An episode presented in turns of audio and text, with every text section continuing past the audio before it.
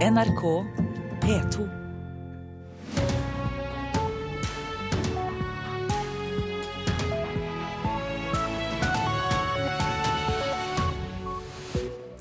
Regnet har altså bøtta ned på Sør- og Østlandet i natt. Det er sendt ut flomvarsel flere steder. Vi skal straks til Hjartdal i Telemark og høre hvordan situasjonen er der. Og som vi hørte i Dagsnytt, har det kraftige jordskjelvet i Chile ført til tsunamier flere steder. Vi følger saka utover morgenen. Både presidenten og statsministeren i Burkina Faso er tatt til fange. Situasjonen i det vestlige vestafrikanske landet er uklår. Og Skiforbundet bør snu ryggen til Petter Northug sin bønn om dialog. Det mener kommunikasjonsrådgiver Jarle Aabø. Dette er noe av det du får høre mer om i denne utgåva av Nyhetsmorgen. I studio i dag Silje Sande. Og vi starter med ekstremværet Petra. Det har altså regna mye i natt, og fremdeles høljer det ned på Øst- og Sørlandet. God morgen, reporter Even Skårberg Årnes. Du er ved Landsverk bru ved Omnesfossen i Hjartdal kommune. For to dager siden var det frykt for at brua skulle rase. Hvordan er det nå? Den frykten for at brua skal forsvinne, den er heldigvis gått over. Vegvesenet har gjort en jobb her. De har gravd opp en stor voll som skal lede vannet unna. Og Hvis vannmassene skal auke på, så har de òg en gravemaskin i beredskap. Så de graver rett og slett tvert over europaveg 134. Avleder vannet, slik at brua skal klare seg. Men det som du sier, regnet øser ned her. Har, jeg har stått her en halvtimes tid. Det har auka i intensitet. og jeg det varsles at vannføringa i elva bak meg her skal bli høyere utover dagen. Ordfører i Hjartdal, Sven Tore Løgsli, er du bekymra? Det er klart vi er bekymra, men vi er forberedt på store nedbørsmengder i dag. Kommunen har, har sittet i beredskap siden klokka fem i dag tidlig. Nødetaten er forberedt og har økt sin beredskap. Og vi har et, nå et fokus på å informere kommunens innbyggere på hva som vi gjør og hva som, er, er, kan skje. Men foreløpig så er alle veier åpne. Vi har dessverre stengt skoler og barnehager for tredje dagen på rad pga. at det er når unger og elever er på skolen at det er varsla mest regn. Så Den beslutninga tok vi i år. Ellers så er vi som sagt forberedt på det som kan komme. Er det noen personer i kommunen din som er innesperra, eller har alle tilgang til å komme seg ut og inn fra der de bor? Nei, akkurat nå så er alle, alle veier åpne. Men vi har økt bemanninga for å ha økt kontroll med slike veier. Slik at skal øke vannstanden, så får vi fort rapport om det. Og må vi stenge veier, så har vi økt bemanninga på servicekontoret, slik at man kan informere direkte til de innbyggerne som det eventuelt måtte gjelde. Vi ser elva her nå. Vi husker bildene fra for to dager siden. Da gikk elva over europavei 134. Det er et stykke opp dit nå, men det regner og regner og regner. Jeg syns du er litt sånn Du ser litt bekymra ut? Det er klart vi, vi, er veldig spent på hvor mye regn som kommer, men jeg er jo veldig trygg. For at vi er godt forberedt. Vi har jobba og vi har økt bemanninga. Og vi har et fokus på folks trygghet. og det, Jeg føler meg veldig trygg. Vi har god dialog med nødetater. Vi har god dialog med beredskapsansvarlig rundt omkring, Røde Kors osv. Så, jeg er veldig trygg. Men det som du sier, vannstanden var oppe i 700 kubikk her, her om dagen, og nå er den ned i 100. så det, det kan komme mye. Og bare si det, det er veldig metta. Så det som kommer av regn og nedbør nå, det havner rett i ål. Så, så vannstanden kommer til å stige fort hvis de nedbørsmengdene som er varsla, lærte. De er forberedt i Hjartdal. Det er stille før stormen, og ingen veit helt hvor ille stormen kommer til å bli. Takk skal du ha, reporter Even Skåberg Årnes. Det kraftige jordskjelvet utenfor kysten av Chile for 6,5 timer siden ble målt til en styrke på 8,3. Til nå er det kommet rapporter om fem omkomne, men skjelvet har utløst en tsunami, og det er frykt for at ødeleggingene kan være omfattende. Og utenriksmedarbeider Halvard Sandberg, hva er den siste informasjonen vi har nå? Nå forsøker eh, chilenske myndigheter å få oversikt over skadene som eh, tsunamibølgene har eh, skapt. De har relativt god oversikt over skadene fra selve jordskjelvet. Det var kraftig, men de har en bygningskode i Chile som blir fulgt for det meste, som skal tåle de, de rystelsene som inntraff ved land. Dette var jo et skjelv som inntraff ute i sjøen, rett ved kysten, og det ble da utløst tsunami. Eh, fra lokale samfunn, altså litt mindre byer, så er det kommet meldinger om ganske så høy eh, vannstand. Den chilenske marinen sier at de høyeste bølgene var 4,5 meter over maksimal eh, høyvannsmerke.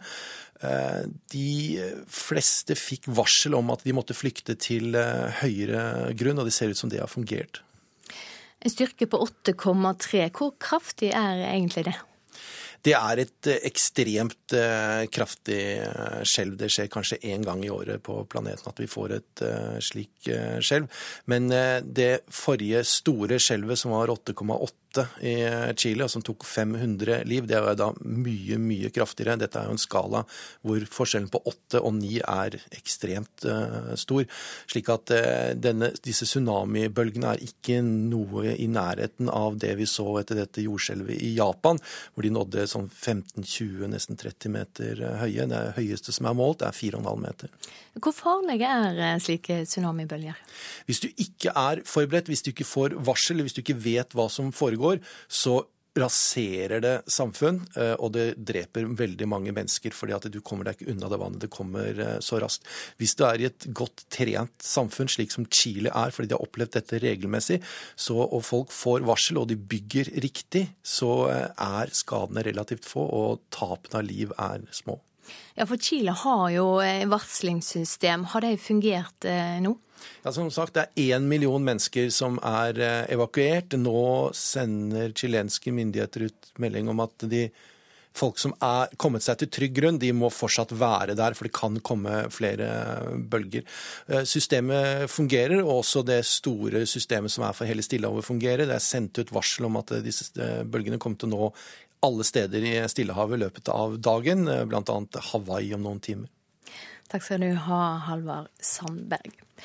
Så skal vi til USA, der det har vært nok en republikansk debatt i natt. Gro Holm, du er i California og har fulgt debatten. Hvordan framstod Donald Trump denne gangen? Ja, han var litt mindre skrytende og eh, kastet litt mindre skitt på de andre kandidatene denne gangen. Eh, det virker som om alvoret har tatt ham litt, at han eh, nå forstår at han må framstå også som en litt mer seriøs eh, potensiell presidentkandidat eh, dersom han skal kunne klare å vinne. Så Så han, han, eh, blant annet så sa han til den eneste kvinnelige debatt, debattanten, eh, Fiorina, at eh, hun var vakker. Han har jo tidligere sagt at se på det ansiktet, hvem vil stemme på henne? Og nå rygget han altså i spørsmålet om hvordan, hvordan hun ser ut og hvilke sjanser hun eventuelt har. Hvor mye politikk ble det i denne debatten? Det var ganske mye utenrikspolitikk en periode. Man var selvfølgelig innom Iran, og alle var enige om at Iran-avtalen er, er, en dårlig avtale om atom, atomavtalen. Men det var litt uenighet om hvorvidt den bør, bør kastes på dag én, eller eh, om man bør prøve å få forhandlet eh, fram en bedre avtale. Eh, så var det diskusjon om Syria og Russland, og eh, hvorvidt det da skal brukes bare makt. Trump gikk inn for å få et bedre personlig forhold til Putin, som hans måte å løse opp i Syria-problemene på. Eh, og så var det diskusjon om skatt, ikke minst mellom Trump og han som ligger som nummer to på meningsmålingene, Ben Carson. Ben Carson ville ha en flat skatt på 10% for alle, også de fattigste, mens Trump faktisk går inn for en progressiv skatt hvor de rike skal betale mer. Og han har jo uttalt seg flere ganger mot de aller rikeste spekulantene på Wall Street. Fremstår faktisk som den lille mannens forsvarer overfor Wall Street. Kom det fram noe mer om eh, hva saker denne Ben Carson vil kjempe for politisk? Ja, man, man, var også inne på innvandringspolitikken. og Trump vil jo som kjent bygge et gjerde mot Mexico. Det støtter ikke Carson sånn uten videre. Men han sier at han vil gi ulovlige innvandrere seks måneder til å erklære hva de har tjent mens de har vært der, betale skatten sin. Og sier at de kan få fortsette som gjestearbeidere, men da i landbruket. For det er der USA trenger arbeidskraft. Så han eh, vil på en måte gi en åpning for at de kan få bli hvis de godtar å være jordbruksarbeidere. Eh, og Det er jo et ganske ekstremt synspunkt, vil nok mange si. Ellers så eh, snakker han helst eh, ikke så veldig mye om utenrikspolitikk, annet enn at USA må være sterk. For han har egentlig veldig lite greie på utenrikspolitikk, og har vel dummet seg ut noen ganger når han har forsøkt å svare på konkrete spørsmål. Hvordan gjorde denne kvinnelige kandidaten det i debatten? Hun var veldig jevnt god og sterk, offensiv. Eh, hun, eh, hun eh, forsvarte, måtte overfor Trump forsvarte sin, sine meritter som leder for Julie Packard. Hun ble sparket som direktør der, men hun svarte da med å vise at Trump også har fire konkurser bak seg. Og hun fremsto som en hauk på mange måter i utenrikspolitikken. Mente at USA må vise makt når det gjelder Syria, men ville ikke gå så langt som til å snakke om soldater på bakken. Men hun hun som trygg og god, og, eh, og, er kanskje en av de aller beste i denne debatten. Men hun har jo da bare rundt 4% oppslutning, så det er langt fram for henne. Takk skal du ha, korrespondent Gro Holm. Så skal vi ta en kikk på hva avisene skriver om på sine framsider i dag. Byråkratiet i Den norske kyrkja jobber sakte, skriver Klassekampen. Selv om det er venta valgskred for åpen folkekirke i kirkevalget, kan homofile trolig tidligst gifte seg i kyrkja i 2018. Lege sikta for giftdrap på 39 år gamle Anne, skriver VG. Ifølge avisa har politiet en teori om at legekjæresten i 50-åra forfalska et testament som gjorde at han arva 4,5 millioner kroner da kvinna døde i desember i fjor. Den foreløpige obduksjonsrapporten skal vise funn av store mengder morfinpreparat i kroppen hennes. Kyllinggigant satser i overfylt marked, forteller Nasjonen. Nordens største kyllingleverandør Scandi Standard ber egne bønder på Jæren om å doble produksjonen. Det er svært uheldig i dagens situasjon, sier flere bondetopper avisa har snakka med. Regjeringa flytter bistandspenger fra langsiktig arbeid i fattige land til kortsiktig akuttarbeid for flyktninger i Norge, ifølge Vårt Land. Bistandsorganisasjoner frykter at det kan føre til flere katastrofer. Nå er ikke olje lenger størst, skriver DN. For, for første gang selger Norge mer gass enn olje. Gass redder oss i nedturen, sier analytiker Jaran Rystad til avisa. Vegvesenet hadde seminar i Nidarosdomen, skriver Adresseavisen. Kirkegjengere var sjokkerte over å se at seminaret pågikk samtidig som det ble gjort klart til gravferd. Kirkeledelsen beklager og vil skjerpe rutinene. Dagbladet har tips om hvordan du kan holde hodet friskt. Alle over 70 bør gjerne sjekkes, mener flere ledende eksperter på aldring. Avisa forteller også om hva som kan være tidlige tegn på demens. Gunnar Wilhelmsen, som er høyaktuell som byråd for Arbeiderpartiet i Tromsø, har hattetrøbbel, ifølge Nordlys. Wilhelmsen har hele 37 offisielle roller og 50 direkte relasjoner til folk i næringslivet. De mange styrevervene kan ikke kombineres med finansbyrådvervet, sier avtroppende finansbyråd Jonas Stein fra Venstre.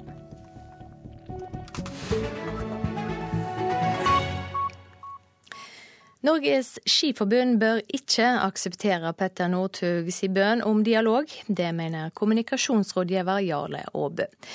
Northug ba sjøl om å møte Skiforbundet to dager etter at fristen for signering av landslagsavtalen gikk ut.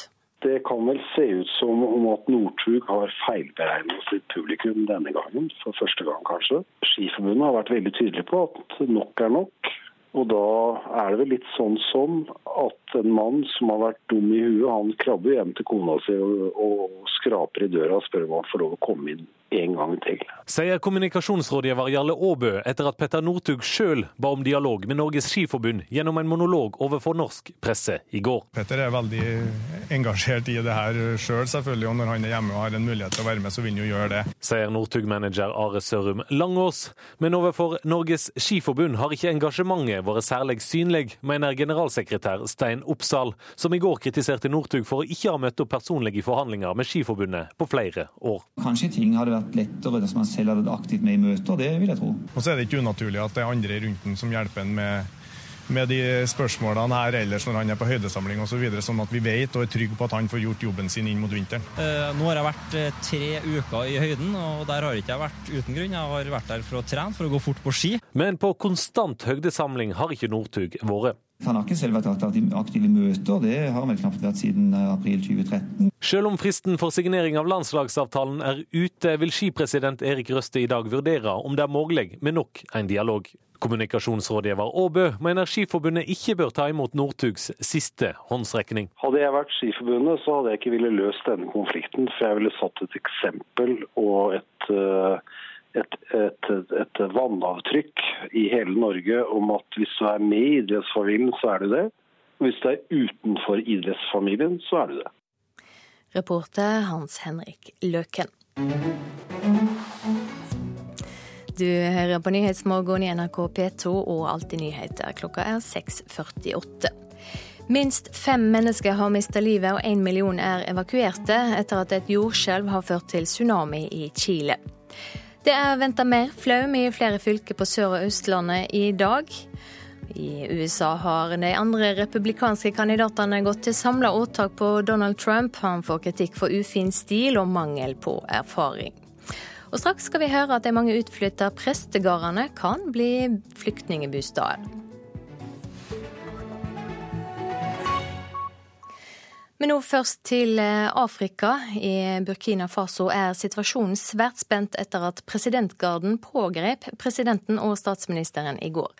Både Tryggingsrådet i FN og Den afrikanske union har fordømt hendelser, og du følger dette som vår Afrikakorrespondent eh, Sverre Tom Radøy. Hva mer vet du om det som skjedde? Ja, det var altså i går klokka 14.30 lokal tid at uh, soldater fra presidentens egen garde tok presidenten selv og, uh, og, statsministeren i forvaring, som det heter. Noen kaller de nå rene gisler. andre kilder sier at hele regjeringen nå sitter så å si fengslet i presidentpalasset. Mens det er helt usikkert hva de som har nå stått for dette noen kaller kupp, egentlig vil med den situasjonen. For to dager siden så var det et forslag eh, om at eh, denne eh, presidentgarden skulle oppløses. Den er på 1300 soldater. Nå har de også sagt hva de mente om akkurat det forslaget. Vet vi hvem som står bak dette? Det er eh, grupperinger som står nært den forrige presidenten. Den forrige presidenten ble styrtet etter å ha sittet 27 år i embetet, etter tidligere å ha uh, myrdet sin forgjenger uh, i uh, 1997. Og han har, 1987. Og han har også styrt landet inn i en fattigdom nesten uten like i dette svært utsatte landet på grensen til Sahara. I fjor i oktober så tok unge menn til, til gatene fikk med seg en eh, titusener, kanskje hundretusener, kanskje oppe så mange som en million mennesker, og også avsatte den uh, daværende presidenten. De som nå er tatt, er en interimstyre. Det skal være uh, valg i oktober. Det er spenning knyttet til dette valget. Mange partier er blitt forbudt. Og nå vil de også forby denne, oppløse denne presidentgarden, men det ville altså ikke denne garden selv. Hvorfor skjer dette nå? Det er et presidentvalg om eh, tre uker. Eh, da er eh, det ikke alle som får stille til valg. Den tidligere presidentens parti får ikke stille. Det har vært arrestasjoner og en sterk økning av, av usikre forhold, ikke minst i, i, gatene. Det som skjer nå, det er at radiostasjoner har blitt stanset av det som kan være kuppmakere store folkemengder har vært samlet utenfor presidentpalasset. Det skal være en generalstreik på gang. Det blir svært spennende å følge med på Burkina Faso eh, nå som det lysner av dag i dette fattige afrikanske landet. Takk skal du ha, korrespondent eh, Sverre Tom Radøy. Kring 40 eh, prestebosteder i hele landet blir nå tilbudt som bosteder for flyktninger.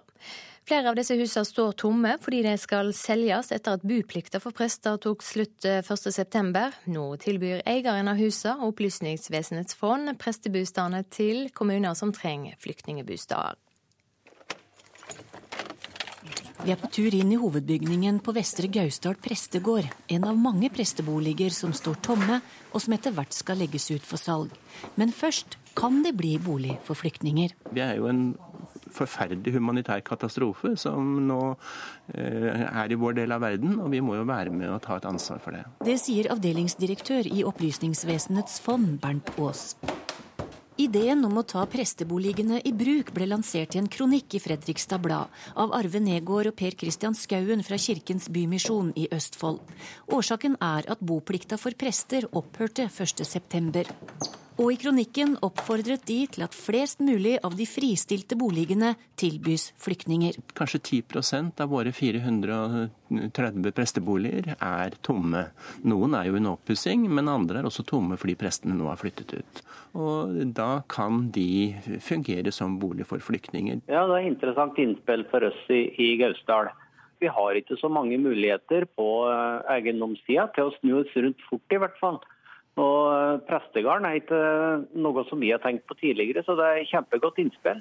Svarer ordfører i Gausdal Hans Oddvar Høistad fra Arbeiderpartiet. Ellers er det flotte almetrær her. De staselige omgivelsene på prestegården i Vestre Gausdal har altså ikke vært i kommunepolitikerne sine tanker når de lette med lys og lykte etter boliger. Her må kommunene stille opp, altså. Men men eh, så er det slik at på Studd sikt så har vi utfordringer når det gjelder nettopp boligsituasjonen.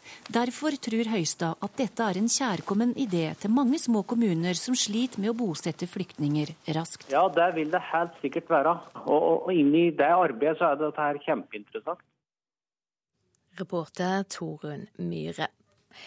Flere kvinner skriver bøker om sine opplevelser med spiseforstyrringer, men så å si ingen menn gjør det samme. Det er et stort problem at spiseforstyrringer framstår som en kvinnesak, det sier organisasjonen ROS, rådgivning om spiseforstyrrelser. De får støtte fra en av de siste forfatterne som deler sterke historier om sykdommen. Plutselig så står du i mørket på et liksom, sånn offentlig toalett i et lite bysentrum og krafser deg fram i blinde for å spy, og det er klissete og ekkelt, men du gjør det for du må. Marianne Klementine Håheim forteller om det uglamorøse livet med bulimi og anoreksi i sin kommende roman 'Sort belte'. Da hun var syk, fant hun selv håp i litteraturen. Det å kunne lese og se at andre har gjort de samme desperate tingene som deg, og vært gjennom det samme, og gjerne kommet, liksom, klart å komme ut på andre sida. Det gir en slags trøst, da. Håheim trer inn i en rekke med navn som Linnea Myhre og Kristine Getz.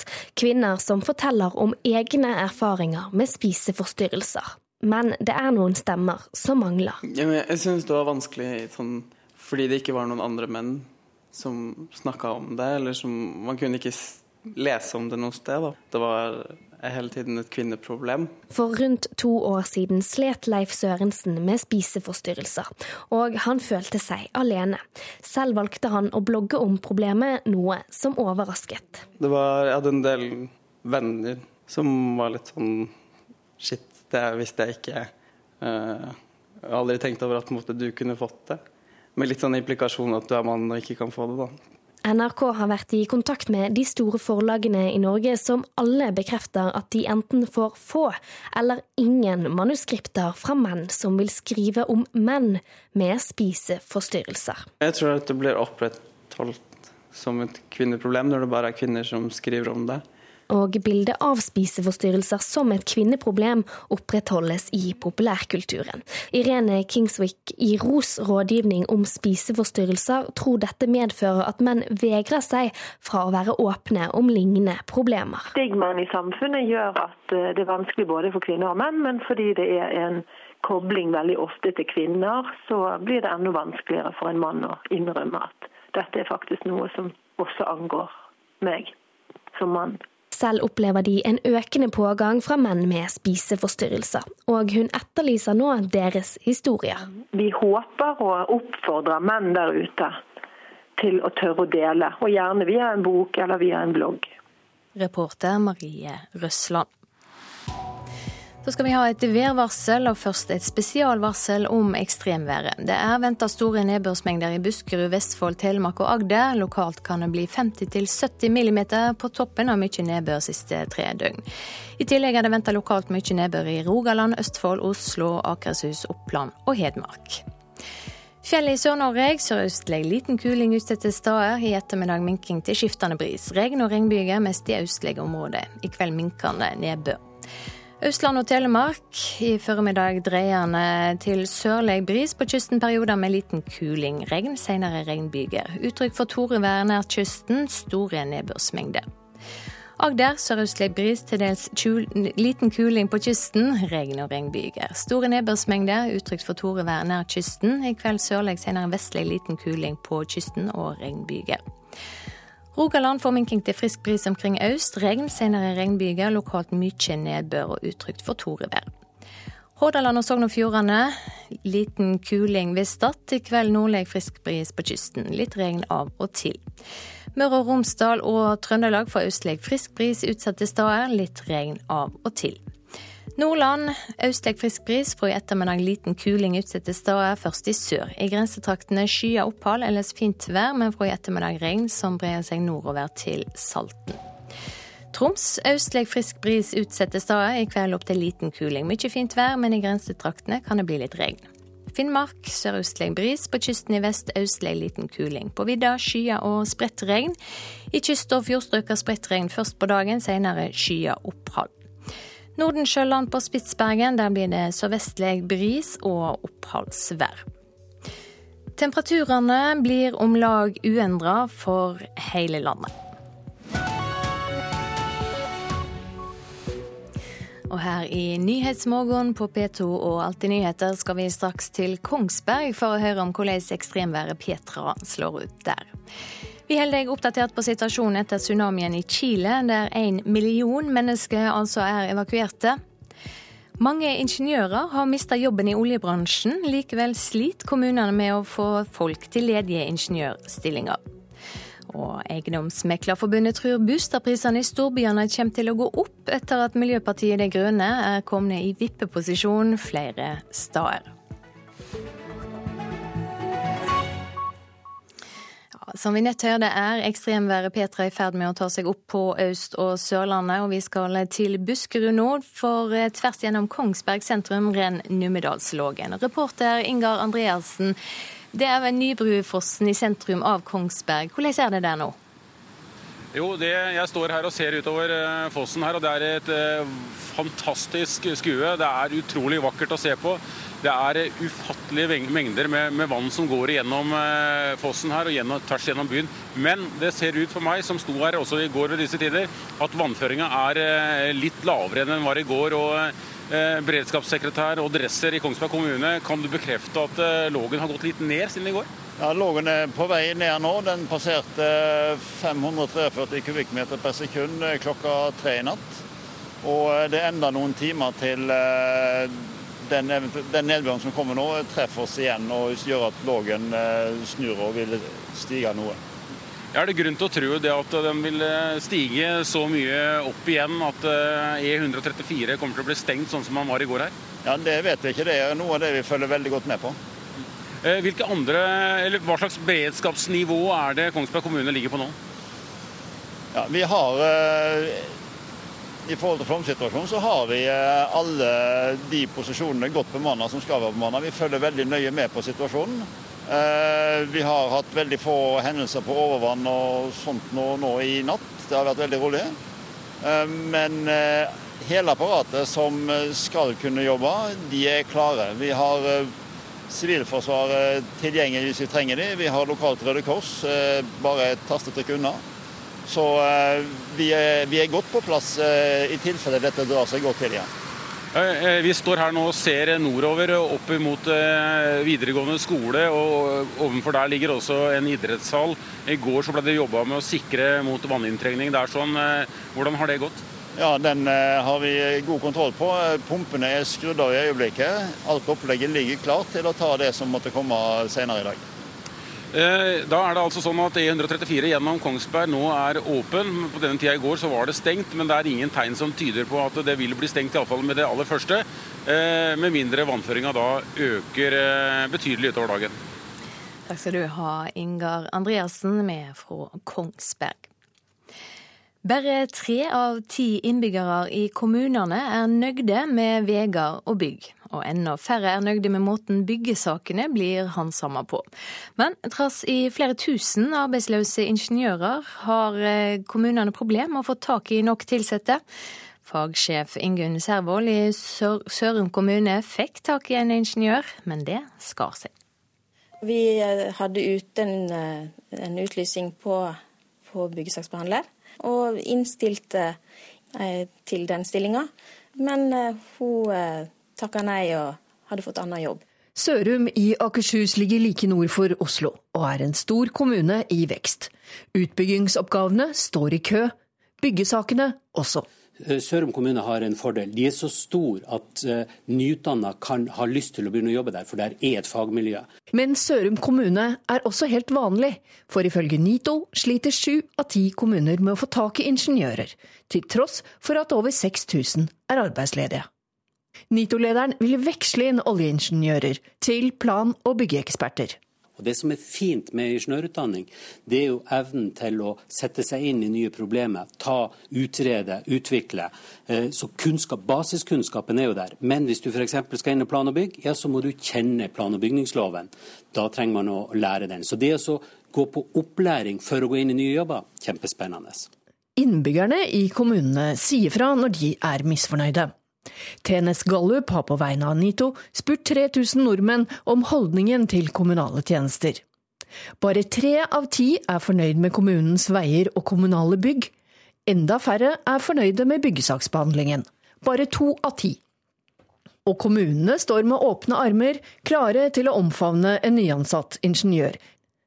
Det sier avdelingsdirektør Anne Katrine Hjertås i KS. Kommunenes rådmenn og fylkesrådmenn sier at ingeniører og sivilingeniører er den gruppen som de savner flest av, altså hvor det er størst mangel i forhold til behov.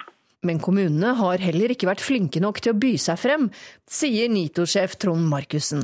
I mange tilfeller så er det kommunens egen skyld. De er ikke flinke nok til å fremsnakke de spennende, interessante arbeidsoppgavene. De er ikke flinke nok til å synliggjøre jobbmuligheter, utviklingsmuligheter. Eh, og da blir du taperen. Det er ikke kommunenes organisasjon KS uten videre enig i. Ja vel. Um, nå er det sånn at Kommunene er veldig opptatt av å rekruttere ingeniører. og Det er den yrkesgruppen man savner uh, flest av. Så Det er en yrkesgruppe som vi veldig gjerne vil at uh, flere av dem skal søke seg til kommunal sektor. Uansett hvem som har rett, 20.9 er det frist for å søke ingeniørjobben i Sørum. Ja, når du jobber i Sørum, hvis du bor i Oslo, så reiser du jo mot strømmen. Så det er helt uh, ypperlig og fagsjef Ingunn Servold håper de nå skal få en ny kollega. Her er godt humør og en god gjeng å jobbe sammen med. Mm. Reportere her Hedvig Bjørgum. Tekna, Teknisk naturvitenskapelig forening, er også en stor fagforening for ingeniører. Og president Lise Lyngsnes Randeberg, du er med fra Trondheim. Hvorfor er det ikke flere ingeniører som vil jobbe i kommunene? Nei, altså jeg kjenner, jo at, unnskyld, jeg kjenner jo at jeg er i stor grad enig med det Nito sier her. Kommunene må være mer aktive på de arenaene der kandidatene er. Det er sjelden du ser kommuner på jobbmesser på utdanningsinstitusjonene, f.eks. Kommunene kan inngå partnerskap med utdanningsinstitusjoner og gi masteroppgaver masterprosjekter for å vise fram mulighetene og de spennende oppgavene i kommunen. Jeg tror rett og slett at kommunene sliter med et lite imageproblem. Eh, de må òg jobbe for å etablere robuste fagmiljø, for det er viktig for våre medlemmer. At eh, de har noen rundt seg som de kan diskutere de faglige problemstillingene med. Det er kanskje aller viktigst for høyt utdanna. Og i tillegg så tror jeg de må ha et aktivt og bevisst forhold til faglig etter- og videreutdanning i hele yrkeslivet. For det at selv om du har mye utdanning i utgangspunktet, så betyr ikke det at du ikke har behov for etterutdanning og faglig oppdatering. Hvor enkelt er det å veksle inn oljeingeniører til plan- og byggeksperter, som vi hørte om her? Altså, vi, vet jo, vi har jo over 12 000 medlemmer i olje- og gassektoren. Og vi vet jo faktisk at byggutdanning er den vanligste utdanninga i sektoren. Så akkurat det ser jeg ikke på som det store problemet. Mange vil nok trenge en overgangsperiode hvor de oppdaterer seg på det som har skjedd i fagfeltet siden de tok sin utdanning. Men eh, hvis man legger til rette for det, har de riktige kursene, så tror jeg det bør, absolutt bør være mulig. Hva gjør det som eh, fagforening? Jo, Vi er veldig opptatt av hva som skjer i arbeidsmarkedet og for våre medlemmer nå. Vi har bl.a. etablert noe som heter Møteplassen i Stavanger og Bergen, der folk kan samles, hvor vi henter inn kompetanse. Vi hjelper til med kompetansekartlegging, CV-skriving, hjelp med søknader. Vi har samarbeid med Nav. Vi har arrangert en interaktiv jobbmesse. Vi satser også på å få til et godt samarbeid med Nav, sånn at vi kan få mer fokus på hva våre medlemmer har behov for fra Nav, for det er kanskje et litt annet behov enn andre yrkesgrupper har. Mm. Og prøve å få til fleksible løsninger, bl.a. sånn at vi kan få flere ingeniører inn i skolen ved å legge til rette for at de kan ta pedagogikk. Ja, for rett og slett omskolering til andre yrker er jo trukket fram. Er det ei løsning for mange av de som nå har mista jobben? Jeg tror det kan være en mulighet. Ehm, og jeg tenker at kommunal og offentlig sektor har en historisk mulighet for å få til det her. Eh, vi har jo faktisk også satt i gang et eh, strategisk prosjekt sjøl i Tekna, hvor vi samarbeider med stat og kommune i Tekna. Vi har jo mange medlemmer der, og våre studenter, for å synliggjøre interessante oppgaver i offentlig sektor. Så her tenker jeg vi kan også trekke sammen og hjelpe til å synliggjøre de oppgavene som finnes der, og gjøre det mer attraktivt. Men de må jobbe med imaget sitt. Takk skal du ha for at du var med, president i Tekna, Lise Lyngsnes Randeberg.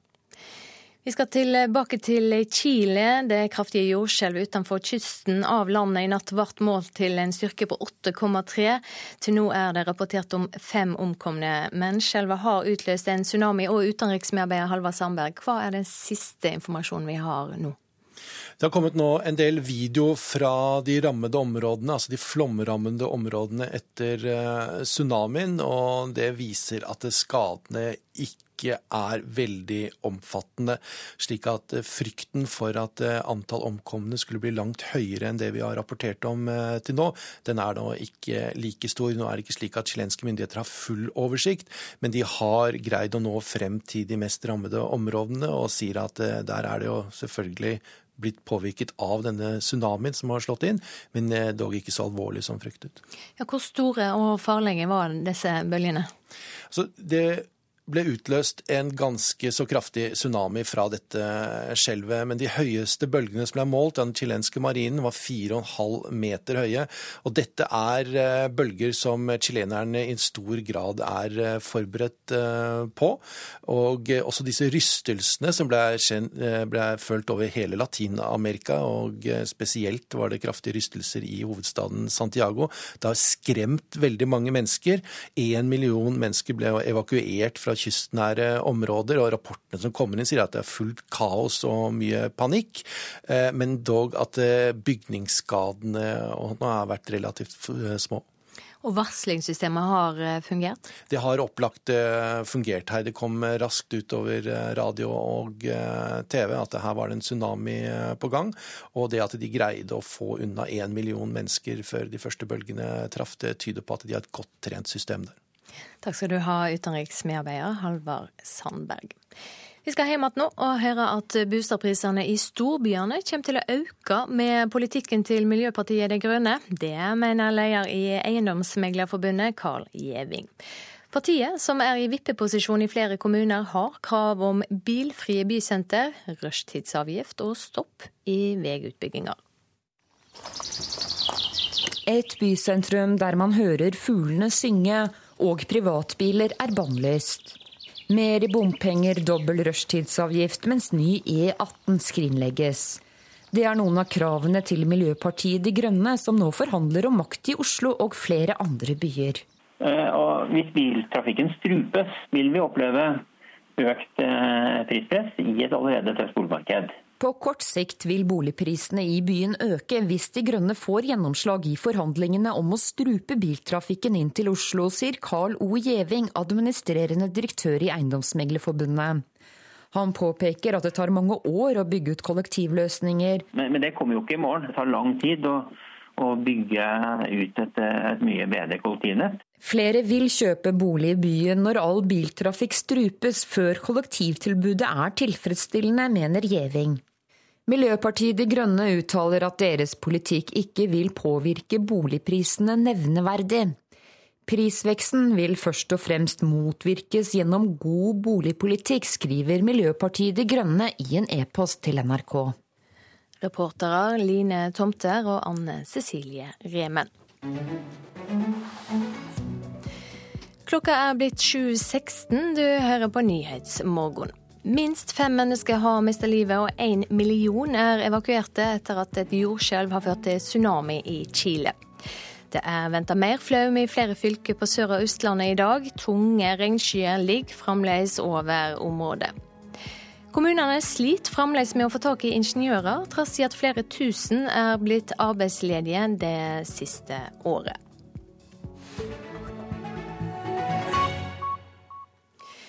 Tall fra Redd Barna viser at det er få syriske barn som får utdanning. Før eh, krigen i landet tok til, var Syria et av de mest utdanna landene i verden. Det er en vanlig skoledag i den nordlige delen av Syria.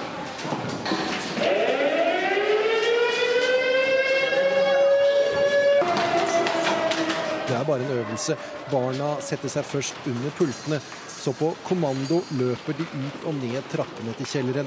De holder armene rundt hodet, slik at de får litt mer beskyttelse dersom eksplosjonen kommer. Dokumentasjonen som har kommet nå, viser at syriske skolebarn har god grunn til å øve. Skoler er kanskje ikke det tiltenkte målet for bomber, raketter og granater, men de blir likevel jevnet med jorden med jevne mellomrom. Gutten Rami sier han hadde gått på skolen i fire måneder da et fly kom og bombet den. Han var hjemme da det skjedde, men han hørte smellet. Hvorfor bombet de skolen, spør han. Er det fordi de ikke ønsker at vi skal få en utdannelse, slik at vi ikke blir advokater eller leger?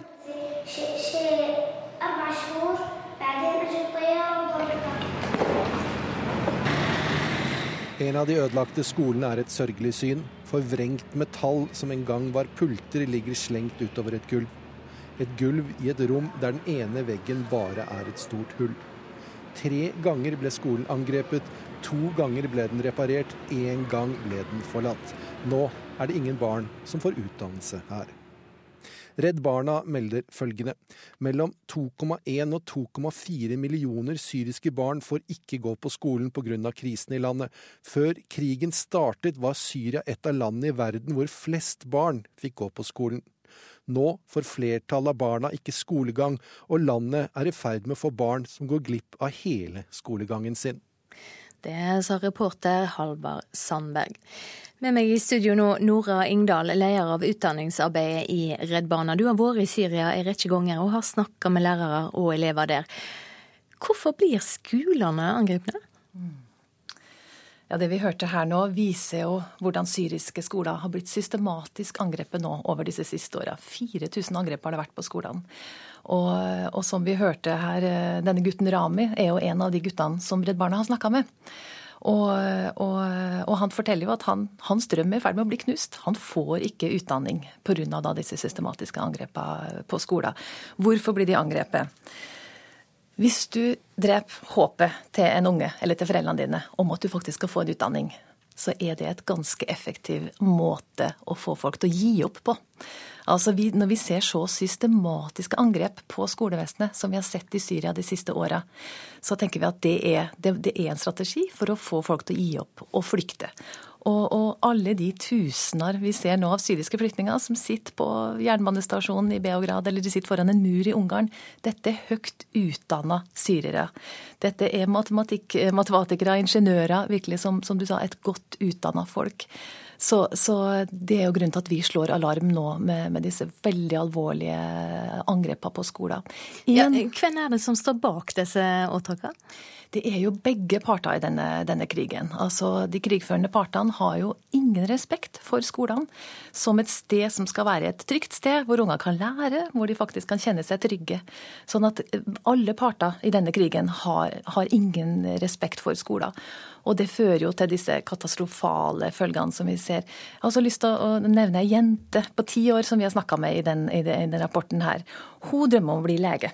Hun vil hjelpe landet sitt. Og hun var så fortvila nå, for at skolen som da Redd Barna har, har jobba med, og også etter støtte fra, fra norske myndigheter faktisk, ble angrepet først én gang. ble skolen angrepet. Så ble den angrepet én gang til. Og da får vi bygge den opp igjen, men andre gangen så ser vi at det her er ikke trygt. Sjøl om vi i Redd Barna også, som vi hørte i reportasjen her, vi driver med masse driller. Vi øver ungene på hvordan de skal oppføre seg når det er et skoleangrep. Vi lærer dem opp til å gå rolig langs veggen. Lærerne beroliger dem, de går ned i bomberommet. Dette jobber vi med hele tida for å sikre at, for at, så, at ungene skal være så trygge som mulig. Da. Ja, det skjer åtakene mens barna er på skolen? Det har skjedd en rekke ganger, jeg er lei for å si det. Slik at uh, veldig mange ganger så har jo vi måtte faktisk stenge skoler. Vi har prøvd å bygge dem opp igjen, og vi jobber jo i Redd Barna jobber vi veldig tett med lokalsamfunn for å sikre at, at, at skolene blir trygge, så trygge som mulig i et land uh, da som Syria. Uh, men det har skjedd en rekke ganger at det har vært angrep. Bare i, i, i fjor, i 2014, så jo, ble 160 unger drept mens de var på skolen. Hva blir konsekvensene når så mange barn ikke får skolegang? Vi mister en hel generasjon. Dette landet, som du nevnte det sjøl innledningsvis, som var et godt utdanna land i Syria, hadde nesten 100% av ungene var på skole før krigen. Det er bare fire år siden. Tenk å være fire år uten skole. Ville vi ha godtatt det? Ville jeg som mor godtatt at min unge fikk gå på skole? Altså Når vi ser lærerstreik her hjemme i Norge, det varer ikke lenge før vi krever at skolene må åpne igjen. Barna må inn på skolen. Nå er det unger som har gått i fire år uten å få tilgang på skole. Du mister, du mister håpet. Og jeg tror det er det som er det, det som vi også nå ser konsekvensene av i Europa. Når skolesystemet blir så systematisk angrepet, så gjør det noe med folks håp om å holde ut i Syria. Og vi tror nok at det er en veldig viktig medvirkende årsak til at folk nå flykter så massivt ut av Syria. Håpet er borte. Man ser at ungene sine får ikke lære. Og, og, og en unge som ikke lærer, har heller ikke noe, noe, noe mulighet for å utvikle seg. Altså Unger som ikke går på skole og lærer, de er også veldig sårbare. Vi ser at de er mye mer utsatt for å bli rekruttert inn som barnesoldater. De er mye mer sårbare for vold, overgrep. Altså, vi i Redd Barna jobber jo med å bruke skolen som en arena for å trygge unger, akkurat som vi gjør i Norge. Unger som går på skole, lærer om rettighetene sine og greier da å, å, å bli motstandsdyktige. Derfor så er disse angrepene på, på, skolen som vi ser nå inne i Syria, så fryktelig alvorlige, og vi slår alarm om det. Og ber om at verdenssamfunnet faktisk reagerer og, og får eh, respekt for skoler inn på dagsordenen. Takk skal du ha for at du kom i studio, Nora Ingdal, leder av utdanningsarbeidet i Redd Barna. Vi skal ta en kikk på hva avisene skriver om på framsiden i dag. Byråkratiet i Den norske kirka jobber sakte, skriver Klassekampen. Selv om det er venta valgskred for åpen folkekirke i kirkevalget, kan homofile trolig tidligst gifte seg i kirka i 2018. Lege sikta for giftdrap på 39 år gamle Anne, skriver VG. Ifølge avisa har politiet en teori om at eh, legekjæresten i 50-åra forfalska et testament som gjorde at han arva 4,5 millioner kroner. Den foreløpige obduksjonsrapporten skal vise funn av store mengder morfinpreparat i kroppen hennes. Kyllinggigant satser i overfylt marked, forteller Nasjonen. Nordens største kyllingleverandør, Scandi Standard, ber egne bønder på Jæren om å doble produksjonen. Det er svært uheldig i dagens situasjon, sier flere bondetopper avisa har snakka med. Regjeringa flytter bistandspenger fra langsiktig arbeid i fattige land til kortsiktig akuttarbeid for flyktninger i Norge, ifølge Vårt Land. Bistandsorganisasjoner frykter det kan føre til flere katastrofer. Nå er ikke olje lenger størst, skriver Dagens Næringsliv. For første gang selger Norge mer gass enn olje. Vegvesenet hadde seminar i Nidarosdomen, skriver Adresseavisen. Kirkegjengere var sjokkerte over å se at seminaret pågikk samtidig som det ble gjort klart til ei gravferd. Kirkeledelsen beklager og vil skjerpe rutinene. Den økende arbeidsløysa i Stavanger-området kan ha ført til færre biler i trafikken. Etter tiår med sterk vekst i trafikken på motorveien mellom Stavanger og Sandnes, viser de siste tellingene at det nå er færre biler. Og det merker drosjesjåførene. Jeg er ledig siden klokken kvart på ni, så har ikke tur. Det vet jeg ikke hvor lenge jeg skal vente, så det regner med at det er halvannen time til, kanskje. Det blir mye venting for drosjesjåførene utenfor Hotell Atlantic i Stavanger sentrum. Over to timer har gått siden drosjesjåfør Memo Sucho hadde passasjerer i baksetet. Ja, veldig stille og rolig vente her. Kollega Ali Assan har hatt ledig bil i halvannen time. Nå er det så få turer at han vurderer å bytte jobb. Ja, jeg kjører ca. 40-50% mindre kjøring nå forhold til før. Men det er ikke bare færre taxier ute på veiene i Stavanger-området.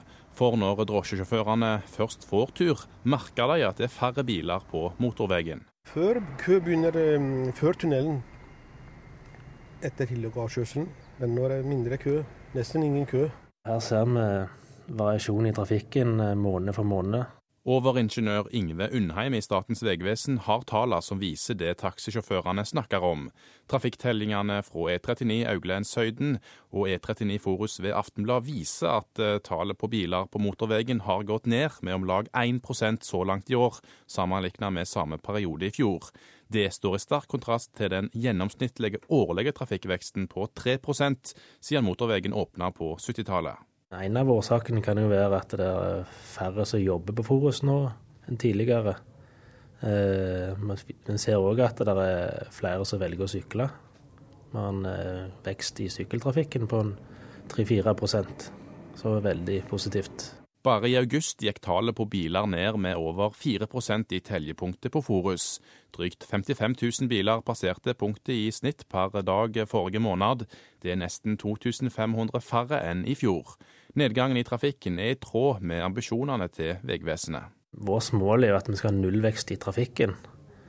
At de, alle nye reiser skal tas med sykkel, kollektiv eller gange. Så, sånn sett er det jo positivt at vi har en eh, nedgang i trafikken på motorveien. Men kanskje ikke positivt at folk mister jobbene? Nei, det ønsker vi ikke. Undheim håper trafikken ikke øker igjen etter nedgangstidene i oljeindustrien, men historien viser likevel noe annet. Ja, det har jo vist seg tidligere med andre konjunkturnedganger, så har veksten kommet tilbake igjen fort når, når, når, ting snur. Vi får en øk, økning i økonomien igjen. Utenfor Hotell Atlantic står drosjene i kø og venter på kunder. Ali Assan tror ikke på bedre tider med det aller første. Jeg tror det fortsetter fram til jul. Det kan bli litt juletrafikk, men det blir ikke samme som, samme som før, tror jeg. Reporter her, det var Magnus Stokka. Da er Tone Nordahl kommet i studio og skal straks gi deg Dagsnytt. I reportasjen etterpå skal det handle om miljøvern i Kenya. I Politisk kvarter i dag skal det bl.a. handle om pensjon. Produsent for Nyhetsmorgon Nyhetsmorgen i dag, det er Tonje Grimstad. Her i studio, Silje Sande.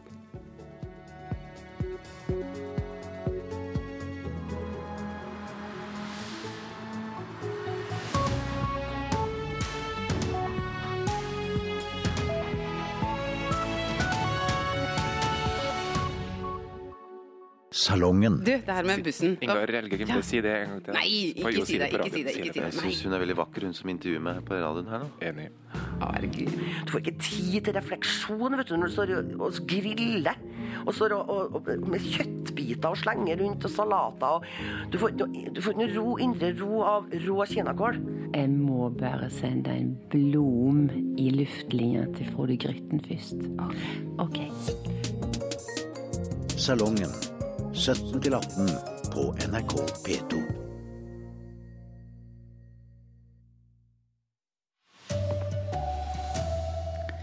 Regnet høljer ned på Sør- og Østlandet. Det er sendt ut flomvarsel i ni fylker i dag.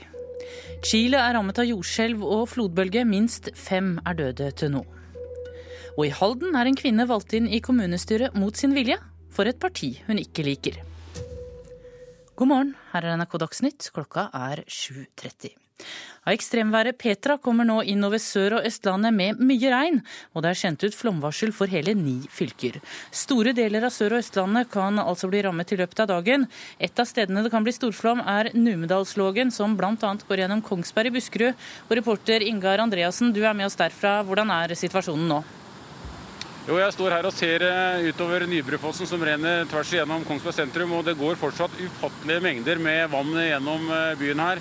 Eh, men jeg sto her på samme tidspunkt i går også, og det ser ut som vannet har gått ned ca. en, en halvmeter. Så per nå så er, er det lavere vannføring enn det var i, i, samme tid i går. Men regnet som skal komme utover dagen, det kommer i tillegg til alt det som har kommet de siste dagene. Hva kan det føre til?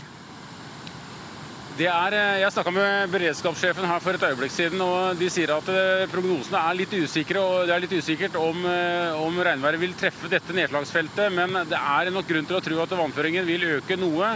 Men, men ikke, de, er, de har senka skuldrene noe. Så det er ikke den fare, det, er ikke den, det, det, det farevarselet som var på samme tid i går. Takk skal du ha, reporter Ingar Andreassen.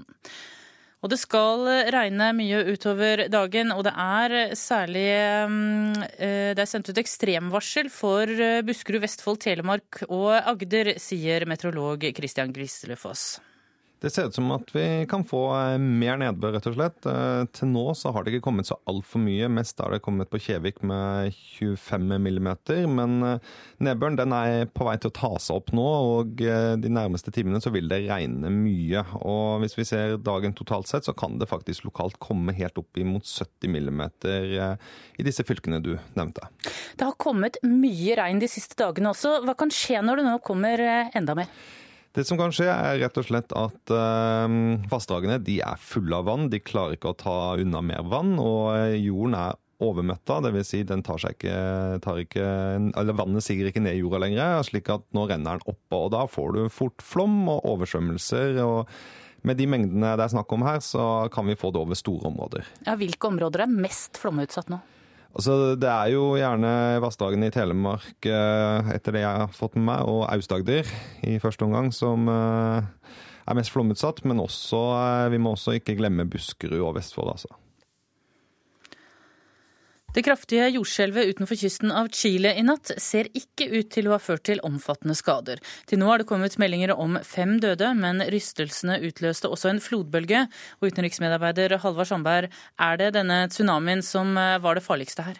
Helt klart så var det tsunamien, for den eh, favner over et bredt område. Det er jo en lang kyst i eh, Chile. De høyeste bølgene som er rapportert, var 4,5 meter.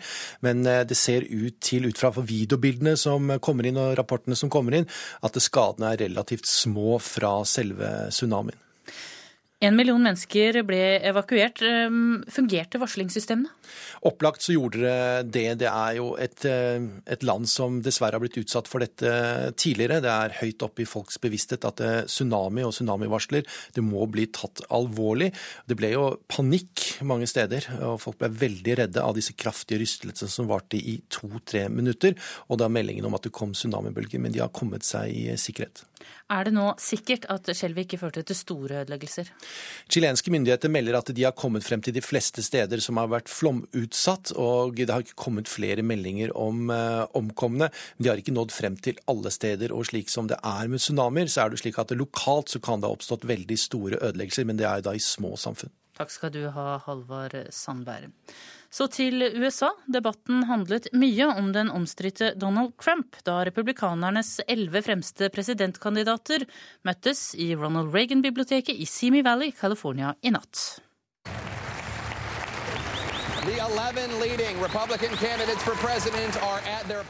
Debattlederen satte tonen ved å starte med å spørre deltakerne om de ville føle seg trygge i landet hvis Donald Trump var president. Den tidligere Hewlett Packard-sjefen Carly Fiorina svarte at Trump er en god underholder, men at presidentkampanjen ville avsløre kandidatenes temperament og kvaliteter. You know, I think Mr. Trump is a wonderful entertainer. He's been terrific at that business. I also think that one of the benefits of a presidential campaign is the character and capability, judgment Trump svarte at temperamentet hans er helt fint og rolig, og at han ville sørge for at USA fikk respekt. Det mente han landet ikke har i dag. And believe me, my temperament is very good, very calm, but we will be respected outside of this country. We are not respected now. I løpet av debatten serverte kandidatene stadig stikk, ikke minst til Trump. Og Jeb Bush påpekte at man ikke bare kan prate i vei og fornærme verdensledere og så forvente et godt resultat. Det krever en stødig hånd, sa han. Noe også kandidat Ben Carson mente han hadde. What folks want in this country is somebody to go down there and get the job done. And that's exactly what I'll do. So I know this much. Etter hvert kom debatten innom temaer som Iran og atomavtalen, Syria, og det ble diskusjoner om skatt. Og når det gjaldt de mange innvandrerne fra Mexico, der Trump jo har sagt at han vil bygge et gjerde, mente Carson, som ligger på andreplassen på meningsmålingene, at mange av dem kan få jobber i landbruket hvis de bare oppgir hva de har tjent tidligere. Reporter her var Marit Kolberg. Sju av ti norske kommuner sliter med å skaffe nok ingeniører, til tross for at det finnes flere tusen arbeidsledige ingeniører fra oljeindustrien. Løsningen er å kurse oljeingeniører til jobb i det offentlige, mener ingeniørenes egen organisasjon NITO. I Sørum kommune fikk fagsjef Ingunn Servold tak i en ingeniør, men så skjedde dette. Vi hadde ute en, en utlysning på, på byggesaksbehandler og innstilte eh, til den stillinga. Men eh, hun eh, takka nei og hadde fått annen jobb.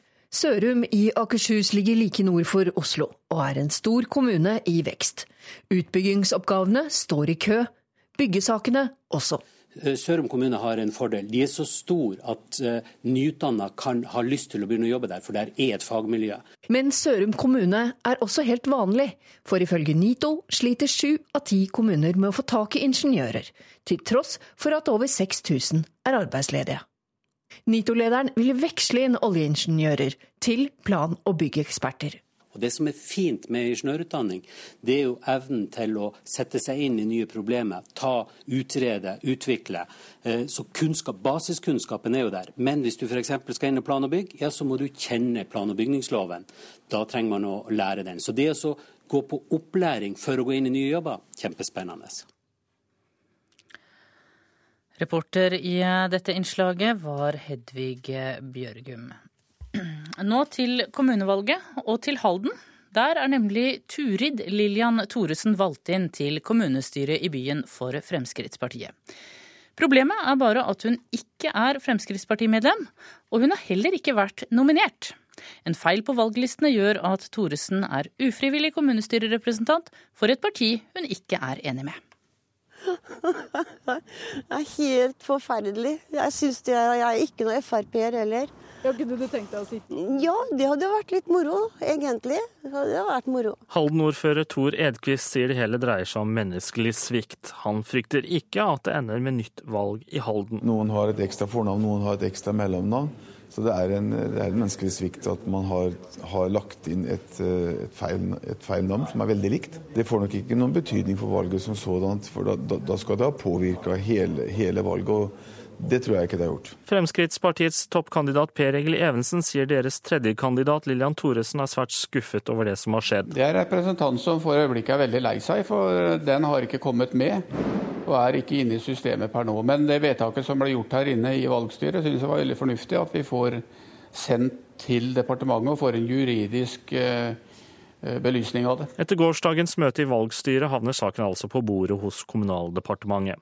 Nyvalgte Turid Lillian Thoresen synes synd på FrPs kandidat. Ja, men da håper jeg virkelig at de tar oss og retter opp feilen, og to får den plassen som jeg har fått lov til å få utdelt. Det mener jeg det hadde vært kjempekoselig hvis hun hadde fått det. Ja, Det sa Turid Lillian Thoresen, som altså gjerne viker plass for FrPs Lillian Thoresen. Reportere i saken var Beate Grøndal og Remi Drageseth. Ansvarlig for Dagsnytt denne morgenen er Sven Gullvåg. Det tekniske ansvaret har Mari Janne Myrhol. I studio Tone Nordahl.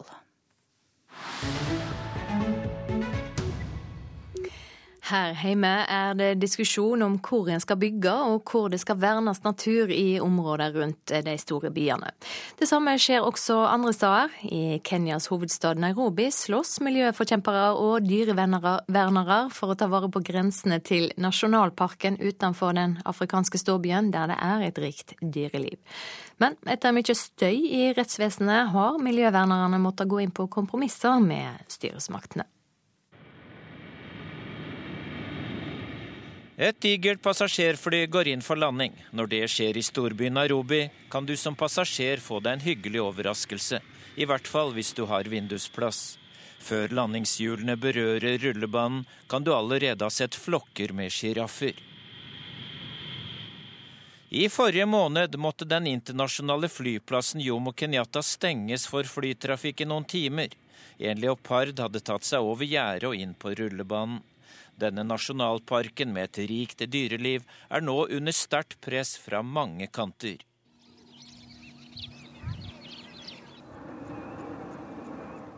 Det er stille inne i den 117 kvadratkilometer store parken, men ikke helt. Stadig oftere blir fuglekvitter og dyrelyder overskygget av flystøy. Det nye er den økte trusselen pga. vei- og jernbanebygging. En kø med lastebiler humper av gårde på ringveien som er under bygging. Veien ligger helt på grensen til nasjonalparken. Miljøforkjempere har via domstolen klart å hindre at det blir bygget en motorvei som ville tatt store deler av parken. Men de har ikke klart å stanse regjeringens plan om en jernbanelinje gjennom deler av nasjonalparken. Every day we are dealing either with human wildlife conflict, we are dealing.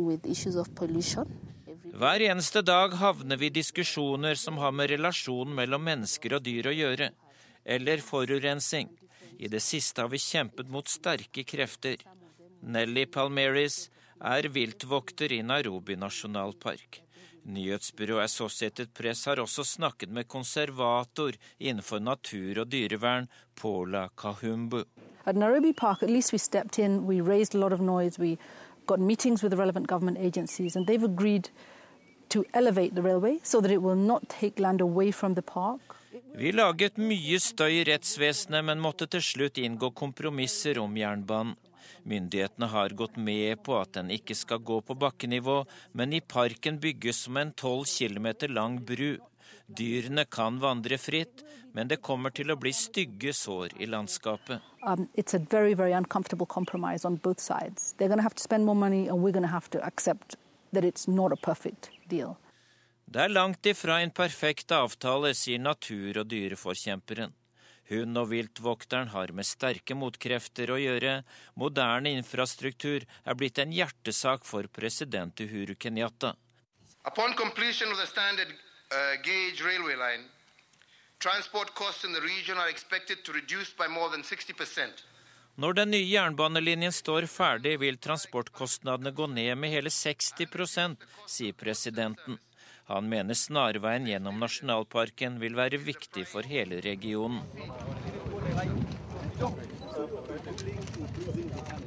En gruppe turister tar bilder av impalaantiloper og sjiraffer fra den åpne safarijeepen de står i. Bak dyrene ser man skyline i storbyen Nairobi. Bebyggelsen er kommet stadig tettere på natur og dyreliv. Konservator Kahumbu er bekymret. As the city develops and is developing at a monumental rate, it's one of the fastest growing cities in the world. Nairobi er en av de raskest voksne byene i verden. Behovet for mer plass til boliger, industri og ny infrastruktur er stort. Natur og dyreliv er under et stadig voksende press, sier natur- og dyreforkjemperen i Nairobi. So that means that the wildlife is becoming increasingly constrained. Reporter Dag Bredvei. Regnet har bøtta ned på Sør- og Østlandet i natt, og fremdeles truer tunge regnskyer. Vi følger utviklinga utover dagen. Det har vært kaotiske timer i Chile. En million mennesker er evakuerte etter et kraftig jordskjelv og tsunamier. Fem har mista livet så langt. Og kommunene sliter med å få tak i ingeniører, trass i at flere tusen har mista jobben det siste året. Nå blir det Politisk kvarter med programleder Bjørn Myklebust.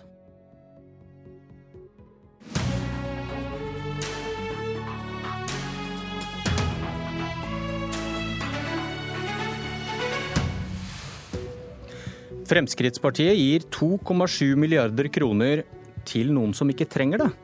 Fremskrittspartiet er naturlig nok ikke enige i denne påstanden. Det blir debatt mellom statsråd Eriksson og høyresidens milde refser.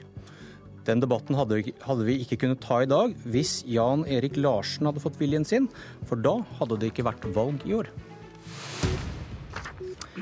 Velkommen til Politisk kvarter. Nyheten om at pensjonister som er gift eller har samboer, snart får 4000 kroner ekstra i pensjon i året, er hentet fra et forslag til et statsbudsjett som ikke er lagt fram ennå. Men det endte som et stykke valgflesk kastet foran velgerne for noen dager siden. Eh, men resultatet, Robert Eriksson, arbeids- og sosialminister på 9,5% tyder kanskje ikke på at nok velgere syns det smakte? Er, for Fremskrittspartiet har det alltid vært viktig å sørge for at eh, alle sammen skal få, uavhengig av sivilstand, skal få redusert, uh, eller få samme grunnpensjon. Uh, derfor så har vi arbeidet veldig intenst for at, å få inn i regjeringsplattformen at vi skal redusere avkortinga for gifte og samboende pensjonister. Det står klart og tydelig i regjeringsplattformen. Den har vi nå varsla kommer i neste års statsbudsjett. Jeg synes det er, Hvis du tar da et, et, et par der du har en minstepensjonist. Ei dame som har gått hjem, tatt seg av ungene eh, og, og opp gjennom tida. Eh, svigerforeldre som man gjorde på landet i, i, gamle dager, gjorde den jobben som dagens førskolelærere, dagens barnehageassistenter gjør. Eh, og blir minstepensjonist. Hvorfor skal hun få dårligere pensjon bare fordi at hun er gift eller samboende. Det syns jeg er helt urimelig.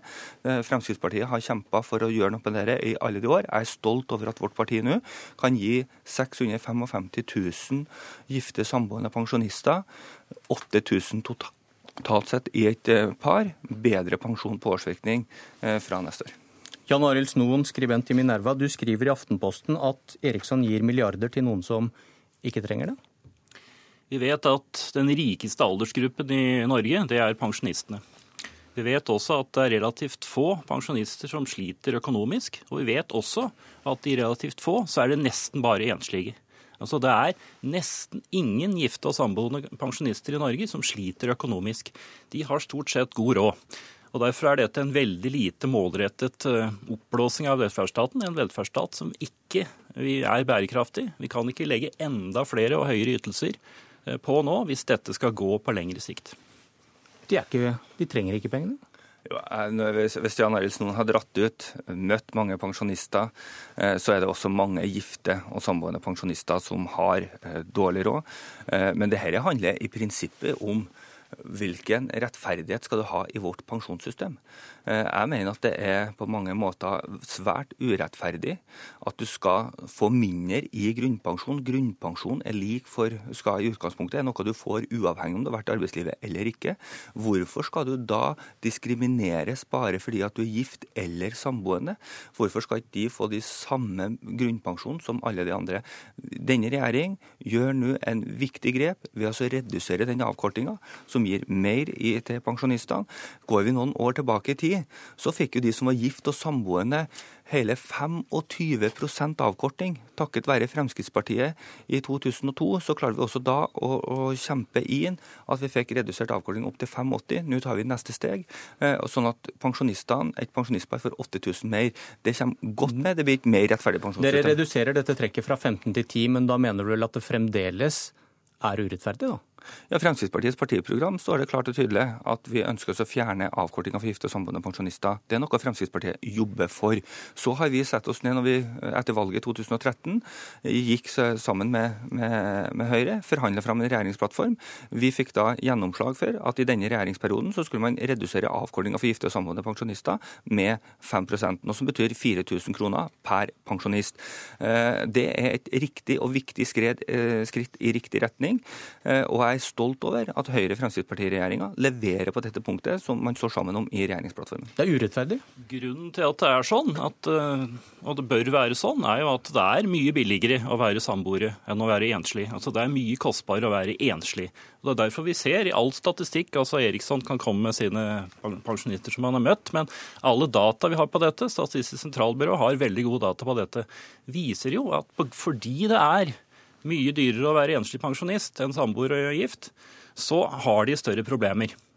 Og Derfor er det rimelig, ut ifra en sosialpolitisk eh, argumentasjon, at de får mer enn gifte og samboende. Eh, og Derfor er det også urimelig når Frp nå skal gi mer til pensjonistene, at de gir det til den gruppen, altså den gruppen som kunne ha trengt det. Får ikke noe, ikke fem øre.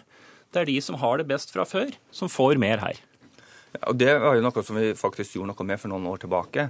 For da øka vi særtillegget for de som har minst. De som, har, som, som, som, er enslige. De løfta vi da opp til 2G. Det er ikke det vi snakker om nå. Uh, og, og, og, når vi har et pensjonssystem, så tenker jeg som så at det, det som er viktig, det er det at vi faktisk har et rettferdig pensjonssystem som gjør at man har den samme uh, grunnpensjonen. Derfor er det viktig å gjøre noe med poenget om, om at det er billigere å bo sammen?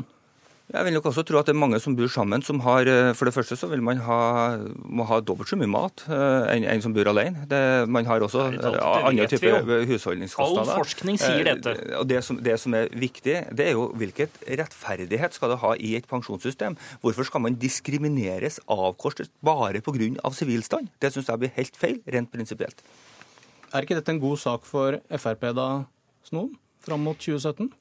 Det er nok en god sak for Frp, men det er en veldig dårlig sak for de unge i dette landet som skal betale denne regninga i framtida. Fordi dette er eh, tannpasta du ikke får tilbake på tuben? Det er veldig vanskelig å få dette tilbake igjen. Når du først har utvidet en ordning, så er det nesten umulig å få endret den på. Det tror jeg Eriksson vet fra andre områder. Eh, så dette er noe, dette er noe som baler på seg. Denne kommer til å være 2,7 milliarder hvert eneste år framover. Dette er ikke som å bygge en vei som er en engangsutgift. Dette er en utgift som vil være der, og som blir bare større og større med åra. Hva sier du til det? For det første så, eh, Hvis noen har sett seg inn i det nye pensjonssystemet, så vil det jo være sånn at stadig flere, og det er veldig bra, det er jeg veldig opptatt av som arbeidsminister, at, at flere skal jobbe. Eh, yrkesdeltakelsen blant kvinner har økt betraktelig de siste årene. Kjempebra. Det nye pensjonssystemet er jo innretta sånn at de som er ute i arbeidslivet, har en lønn på over eh, snittlønn på over 430 000, vil jo, vil jo avkortinga uansett dette bort av, fordi at det, det, det nye systemet fungerer sånn. Da, For de som er pensjonister, pensjonister i dag. Hvorfor skal ikke de da få, som har vært med og bygd opp det velferdssamfunnet, vært med og gitt oss det gode velferdssamfunnet som vi i dag lever til, hvorfor skal ikke de da få uh, en god grunnpensjon, uavhengig av sivilstanden sin? Vi får eventuelt fortsette diskusjonen når budsjettet er vedtatt. Hvis du fremdeles er statsråd, da, Eriksson, det hviskes om at Høyre har lyst til å overta departementet ditt? Det er ingen kommentarer til. Jeg registrerer som, og er fullstendig klar over at enhver statsråd sitter så lenge enhver statsråd sitter.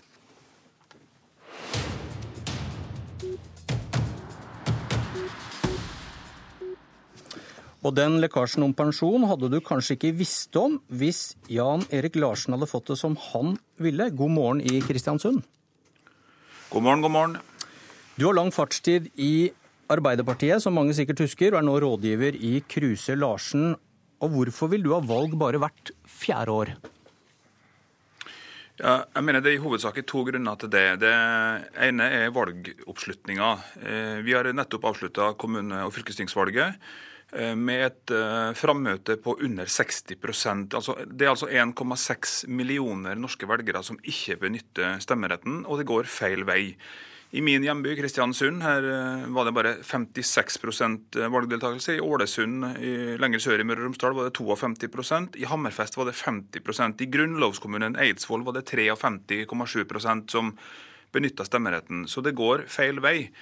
Og da tror jeg at hvis vi slår sammen de tre valgene vi har i Norge, stortingsvalg, fylkestingsvalg og kommunevalg, til samme dag, samme dato, hvert fjerde år, så vil det eh, øke valgdeltakelsen. Det vil gjøre det til en eh, større begivenhet. Det vil få langt mer fokus, både nasjonalt og lokalt. Det vil gjøre det til en mer høytidelig eh, begivenhet. Og jeg er helt sikker på at det vil bidra til at flere stemmer. Det er flere som stemmer ved nasjonale valg enn ved lokale valg. og da vil lokalvalget eh, tjene på det. Det er ikke likegyldig for demokratiet hvor mange som deltar. og Vi, vi må gjøre noe med utviklinga som går så til de grader i feil retning. Oddvar Igland, assisterende generalsekretær i Senterpartiet og nyvalgt kommunestyrerepresentant i Asker. Hvorfor mener du dette er en dårlig idé? Eh, vi må rett og slett stille oss spørsmålet hva er poenget med et, eh, med et kommunevalg. Eh, I et kommunevalg så skal folk ta stilling til de lokale sakene, til de lokale kandidatene, og til hvem som faktisk skal styre i kommunen eh, de neste åra. Eh, jeg er rimelig sikker på at eh, med en felles valgdag for disse tre valgene, så ville ikke NRK ved dette valget ha brukt så mye tid og dekka dette lokalvalget så godt som de har gjort. Det har vært eh, vil jeg si, banebrytende at NRK har gjort det, og vært land og strand rundt og dekka de lokale sakene og de lokale kandidatene. Da hadde vi fått statsministerdueller i TV-ruta stort sett hele tida, og bare fokus på rikspolitikken, og de lokale sakene hadde drukna fullstendig. Larsen? Ja, nå er det jo synd da, Igeland, at eh, den gode dekninga fører til lavere valgdeltakelse. Eh, jeg tror Det er veldig bra at NRK dekker valget godt. Det er veldig bra at vi har lokalt engasjement. Det tror jeg ikke blir bort om vi samordner valgdagene. Men vi kan jo ikke eh, snakke oss vekk fra det ubehagelige faktum at stadig flere deltar i demokratiet. Så har man jo gjort noe med det her i andre land. I Sverige har man samme valgdag for alle valgene. Der er valgdeltakelsen i lokalvalget eh, 25 over eh, det den er i Norge. I Danmark, Danmark, gjorde man et eksperiment én eh, gang, i 2001. Da slo man sammen parlamentsvalget med lokalvalget og fikk historiens høyeste valgdeltakelse i lokalvalg. Ved neste lokalvalg så splitta man opp igjen, og da falt deltakelsen i lokalvalget med 15 det er ingen tvil om at noe må gjøres. og Det man har sett av fullskala eksperiment på området, viser at når man slår sammen valgene, så blir det større oppmerksomhet, og flere deltar.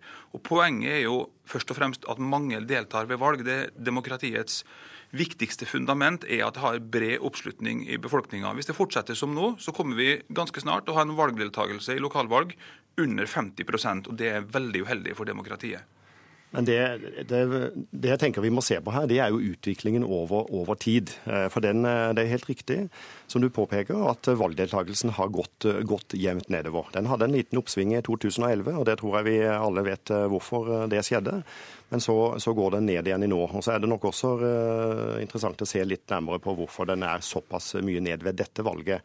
Det har, var jo også litt framme i, i går. Men, men, hva er det som har skjedd over disse åra? Vi har hatt lavere valgdeltakelse, eh, ved, særlig ved, ved, lokalvalg. Jo, vi har fått en utvikling der eh, kommunene får stadig mindre handlingsrom. Politikerne får mindre handlingsrom lokalt i forhold til den jobben de skal gjøre.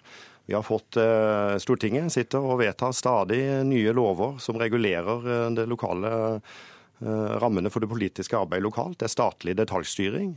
Og Det er naturlig også å trekke inn EØS-avtalen, som vi vet også har hatt konsekvenser for det lokale handlingsrommet for kommunene. Sånn at Det er jo det vi må gå inn på og se hva er, hva er rom, rommet for kommunene i forhold til den politikken og det politiske arbeidet de skal gjøre. Larsen, et av dine argumenter er fire års arbeidsro for politikerne. Ja, Det mener jeg er en viktig tilleggsdimensjon. Slik som det er i dag, så har vi stortingsvalg hvert fjerde år. Og det er et poeng at vi har stortingsvalg hvert fjerde år. Det tar tid å gjennomføre store reformer, det tar tid å drive lovarbeid. Så det er meninga at vi skal ha stortingsvalg hvert fjerde år, og så skal arbeidet i parlamentet og i regjeringssystemet gå mellom de stortingsvalgene. Slik som det fungerer nå, så har man i realiteten ett år på seg etter et stortingsvalg til å få gjort unna en del, og så begynner man å forberede neste valg, altså lokalvalget. Og Det er ingen tvil om at politikerne da begynner å opptre valgtaktisk. Store og viktige reformer stopper opp. og et, et, godt eksempel på det er jo måten kommunereformen har vært diskutert på det siste halve året. Der tror jeg ikke politikerne har sagt det man egentlig mener. Man har opptrådt taktisk. Så det hadde, en, det hadde vært en tilleggsgevinst. Man hadde fått arbeidsro mellom stortingsvalgene. Ja, altså det du, det du, egentlig sier, er det at uh, folk skal, uh, altså vi, vi, skal gjennomføre reformer som en helst ikke vil at folk skal uh, skal Nei, Det er feil. Det er stortingsvalget som bestemmer hvilke reformer som skal gjennomføres. Jo, men det er sant. Det er greit nok. Men samtidig så må disse reformene ha folkelig forankring. Og det ser vi jo nå med den kommunereformen at den ikke har. Du får på mange måter ved dette valget en meningsmåling eh, over eh, hvordan eh, folk lokalt de, hva de mener om den kommunereformen. Og den ser jo nå ut til å okay. krasje landet totalt. Mine herrer, takk for debatten. Politisk kvarter er slutt. Jeg heter Bjørn Myklebust. Hør flere podkaster på nrk.no podkast.